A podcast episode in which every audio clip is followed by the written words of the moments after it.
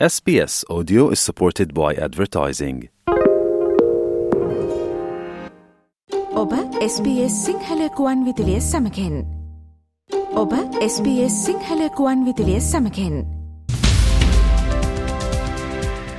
මවබිමින් පුවත් ඔස්ට්‍රලයාාවේ අද උදැසනවද විට ශ්‍ර ලංකාවෙන් වාර්තාාවන ප්‍රධානතම පුවත් කිහිපය මෙන්න. අද අගොස්තුමාසේ දහටවනිදා ඒ දිනේ ශ්‍රී ලංකාවේ සිදුවීම් දෙස අදත් අපි අපේ අවධානයොම් කරන්න සූදානම් වන වෙලාව.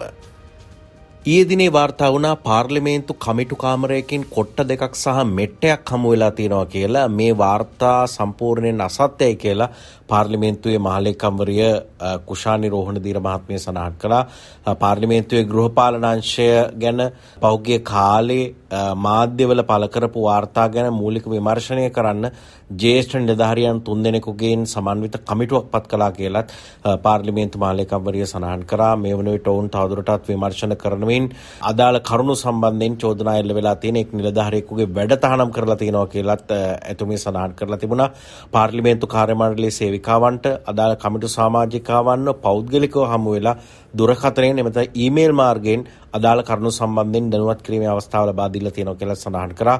මේ කරුණු ගැන අදාළ කමිටු සමාජිකයන්ට අමතරව පාර්ලිමේන්තු මහලේකම් සහ සහකාර මහලේකම් වෙතත් තොරතුරු ඉදිරිපත් කරන්න පුළුවන් කියලා පාර්ලිමේන්තු මහලේකම්වරිය සඳහන් කරා. පාර්ලිමේන්තුවේ කමිටු කාමරයකින් කොට්ට දෙකක් සහ මෙට්ටයක් හමුවීම සම්බන්ධයෙන් තමයි මෙවැනි ක්‍රියාමාර්ග අරන් තියෙන්නේ. එය මේ දිනවල ශ්‍රී ලංකා විශේෂයෙන් සමාජ මාධ්‍යයේ අවධානය යොමු කරන කාරණයක් බවට පත් වෙලා තියෙනවා.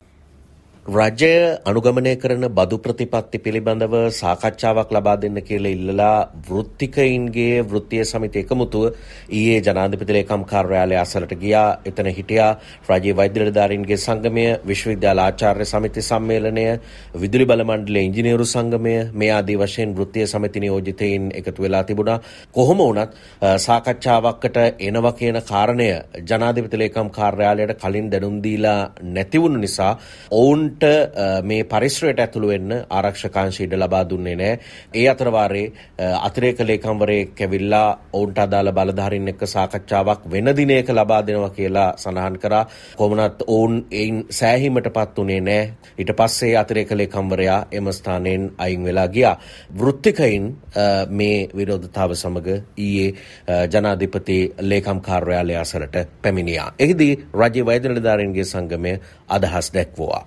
දැනටත් අපි කියනවා පන්දුව තියෙන ජනාධිපතිවරයාගේ පැත්තේ පන්දුව තියෙන ජනාධිපති ලේකම්වරයාගේ පැත්තේ කරුණා කළා මේ වෘත්තිකයෝ ඊටාම සාමකාමී මෙතෙන්ට ඇවිල්ලා තමන්ගේ හඬ අවදි කරලා තිනවා මේ හඬට සවන් දෙන්න වහාම විසඳුම මොකද්ද කියන කාරණේ සම්බන්ධයෙන් නිශ්චිත ප්‍රකාශයක් කරන්න. ජාත්‍යන්ත්‍ර මූල්‍යාර මුදලත් සමඟ අපි ගමන් කරන වැඩසටහනේ දෙවන නායවාරිකය ලැබීම පිළිබඳව මේ දිනල බොහෝ දිනකුගේ අවධානය යොමු වෙලා තිනවා. මේ ජාත්‍යන්ත්‍ර මූල්‍යාර මුදලේ විස්සිර ණය පාසුකමේ දෙවනි වාරිකයේ විදිහට ඇමරිකන් ඩොලර් මිලියන 333ක් ඉස්සරහට ලැබෙන්න නියමිතයි කියලා මුදල් රාජ්‍ය අමාත්‍ය ශහන් සේමසිංහ රාජ්‍ය අමාත්‍යවරයා සඳහන් කරා. ජාත්‍යන්ත්‍ර මූල්‍යාර මුදලේ විස්තර ණය පාසුකමේ දෙවනි වාරිකයේ ලැබීම හරහා ලංකාවේ විදේශයන් වල ඉන්න ආයෝජකයන්ට ශ්‍රී ලංකාවේ ඉදිරි ආර්ථිකය පිළිබඳ සුබවාදී පණිවිඩයක් දෙයි කියලා ඔවුන් සඳහන් කරලා තිබුණා දූෂණ මර්ධනය මූල්‍ය විනය පවත්වාගෙන යාම විනිවිද භාවය ඇති කිරීම වගේ මූල්‍ය අරමුදල ඉදිරිපත් කළ යෝජනා ක්‍රියාත්මක කරන්නත් පියවර අරන් තිනවා කියලා ඒ කියන්නේ මේ සිද්ධ වෙච්ච කාරණා මේට හේතුවක් වුණා කියලත් සඳහන් කරලා තියෙනවා. කොමනත් රාජ්‍ය අමාත්‍යවරයා සඳහන් කරලා තිබුණා මේ වෙනකොට රටේ ආර්ථිකය හරි මාවතකට අවතීර්ණ වෙලා තියෙන නිසා ඉදිරියේදී තවදුරටත් ජීවන වියදම පහළ බසෙවි කියලා සඳහන් කරා. කොමනත් මේ දිනවල ජාත්‍යන්තර මූල්‍ය අරමුදලේ දෙවන ණයවාරිකය ලැබීම පිළිබඳව බොහෝ දිනෙක අදහස් දක්වමින් ඉන්නේ. ඒත් එකම ඇමරිකානු රාජ්‍ය දෙපාර්තමේන්තුවේ ජේෂ්ඨ නිලධාරියෙක්. ඒ කියන්නේ ඇමරිකාවේ සයිබ අවකාශ සහ ඩිජිටල් ප්‍රතිපත්ති තානාපතිවරයා. නමින් ඔහු නතාත්නියල් සීෆික් ලෙස හඳුන්වනවා ලබන විසිවෙනිදා ලංකාවේ සංචාරය කරන්න ඔහු බලාපොරොත්තු වෙනවා කියලා ඇමරිකානු රාජ්‍ය දෙපාර්තමේන්තුවත් තහවුරු කරලා තියෙනවා. එතකොට මේ සංචාරය ඇතුලේ රජයේ සහ පෞද්ගලික අංශයේ නියෝජිතයන් එක්ක සයිබර් ආරක්ෂාව සම්බන්ධයෙන් තොරතුරු හොමාරු කරගන්න බලාපොරොත්තු වෙනවා. අගෝස්තු 23 වෙනිදා වෙනකම්ම ඔහු ලංකාවේ ඉන්නවා. තොරතුරු හා sannivedana ආරක්ෂණය, සයිබර් ආරක්ෂාව, ඩිජිටල් නිදහස මේ ආදී කාරණා පිළිබඳ දේශන කීපයක් පවත්වන්නත් සූදානම් කරලා තියෙනවා. ඇමරිකාවේ සයිබර් අවකාශය සහ සහ ඩිජිටල් ප්‍රතිපත්ති තානාපතිවරයා ලංකාවට එන්න කලින් ඉන්දියාවට යන්න නියමිතයි ගිහින් ඉවර වෙලා ඉන්දියාවේ බැංගලෝරවල තියෙන G20 ඩිජිටල් ආර්ථික අමාත්‍ය රැස්වීමටත් ඉඳලා ඇමරිකානු ප්‍රධානියා 20 වෙනිදා ලංකාවට පැමිණෙයි කියලා විශ්වාස කරනවා. ශ්‍රී ලංකාවේ රාජ්‍ය ආදායම පිළිබඳව කතා කරද්දී රජයට බදු එකතු කරන ප්‍රධාන ආයතනවල අකාර්යක්ෂමතාව නිසා විශාල වශයෙන් වාර්ෂිකව රජයට හිමිවිය යුතු බදු අහිමි වෙලා කියලා ජාතික ආර්ථික හා භෞතික සැලසුම් පිළිබඳ ආංශික අධීක්ෂණ කාරක සභාව සඳහන් කරනවා. එහිදී මේ කාරක සභාවේ සභාපති මහින්දානන්ද අලුත්ගමගේ මන්ත්‍රීවරයා ඒ පිළිබඳව අදහස් දැක්වුවා. ලංකාවේ ප්‍රධානම වීමෝල් හිමියා සත පහක් බදු ගෙවන්නේ නැහැ. ලොකුම අපනයනකරුව සත්ත පහක් බදු ගෙවන්නේ. ඒ නිසා අපි මේ පොඩි මිනිහට බදු ගහලා පඩියෙන් කපලා කරනවට වැඩිය මේ අය කරගත යුතු අයගෙන් අය කරගත්තා නම් මේ රාජ්‍ය ආදායම වැඩි කරගන්න පුළුවන්. ඊළඟ එක තමයි සුරාබදු දෙපාර්තමේන්තුව. මහා පරිමාණ නිෂ්පාදකයෝ විතරක් බිලියන 6ක් තියෙනවා ටැක්සස් ගෙවන්න. හැබැයි බදු ගෙවන්නේ නැහැ ලයිසන් එක දෙනවා. සුරාබදු දෙපාර්තමේන්තුවේ නිලධාරීන් ඉන්නවා. ඒගොල්ලෝ ඉන්නේ මේ බාර් චෙක් කරන්න නෙවෙයි. මාසෙකට දෙන ගාණ ගන්න තමයි සුරාබදු නිලධාරියා යන්නේ. ඉතින් ගත්තාම බිලියන 925ක් විතර මේ මේ බොහොම මාස 6ක් වගේ ඇතුළත කඩිනම් කරා නම් අය කරගන්න පුළුවන් ක්‍රමවේදයක් තියෙනවා. මේ මොහොතේ රට බිඳවැටිලා තියෙන අවස්ථාවේ රට ගොඩනගන්න නම් මිතුරන් සමග එක්ව කටයුතු නොකර අවශ්‍යතාවය වෙනුවෙන් කටයුතු කිරීමේ වැදගත්කම පාර්ලිමේන්තු සංකීර්ණයේ පැවැත්වුණු සාකච්ඡාවකදී විපක්ෂ නායක සජිත් ප්‍රේමදාස මැතිතුමා අවධාරණය කළා. එහිදී මේ ආකාරයෙන් ඔහු අදහස් දැක්වීමකුත් සිදු කළා.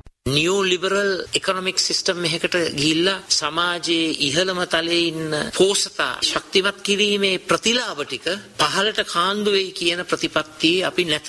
බිලියන 600ත් 700ත් අතර බදු සහන දීලා රටේ බංකොලොත් භාවයට මුලපිරුවේ අන්න ඒ ක්‍රියාත්මක වුණු ට්‍රිකල් ඩවුන් එකොනොමික්ස් නිසා. එතන අපි නැහැ. අපි ඉන්නේ මැද මාවතේ. ඒ විකල්පය තමයි මානුෂීය ධනවාදය තුළ සමාජ වෙළඳපොළ ආර්ථිකය තුළ සමාජ ප්‍රජාතන්ත්‍රවාදී ක්‍රමවේදය තුළ මේ රටේ ව්‍යවසායකත්වයේ ශක්තිමත් කරලා ව්‍යාපාර ශක්තිමත් කරලා ධනය උත්පාදනය කිරීමත් සීමා සහිත රාජ්‍ය මැදිහත් වීම තුළ ධනවාදයේ තියෙන අඩුපාඩුකම් ඇඩ්‍රස් කරලා බෙදී යාම සාධාරණව ක්‍රියාත්මක කිරීමේ සංකල්පය අපි තරයේ විශ්වාස කරනවා නැවතත් ලබන සඳුදා දිනේ ශ්‍රී ලංකයේ පුවත් විමසුම තුළින් හමුවන බලාපොරොත්තුවෙන් සමුගන්නවා මම ශ්‍රී ලංකාවේ සිට Manoj උදටියාවල.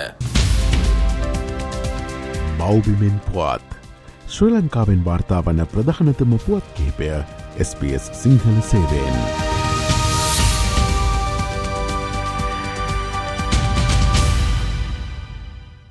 SBS SBS SBS SBS SBS SBS Radio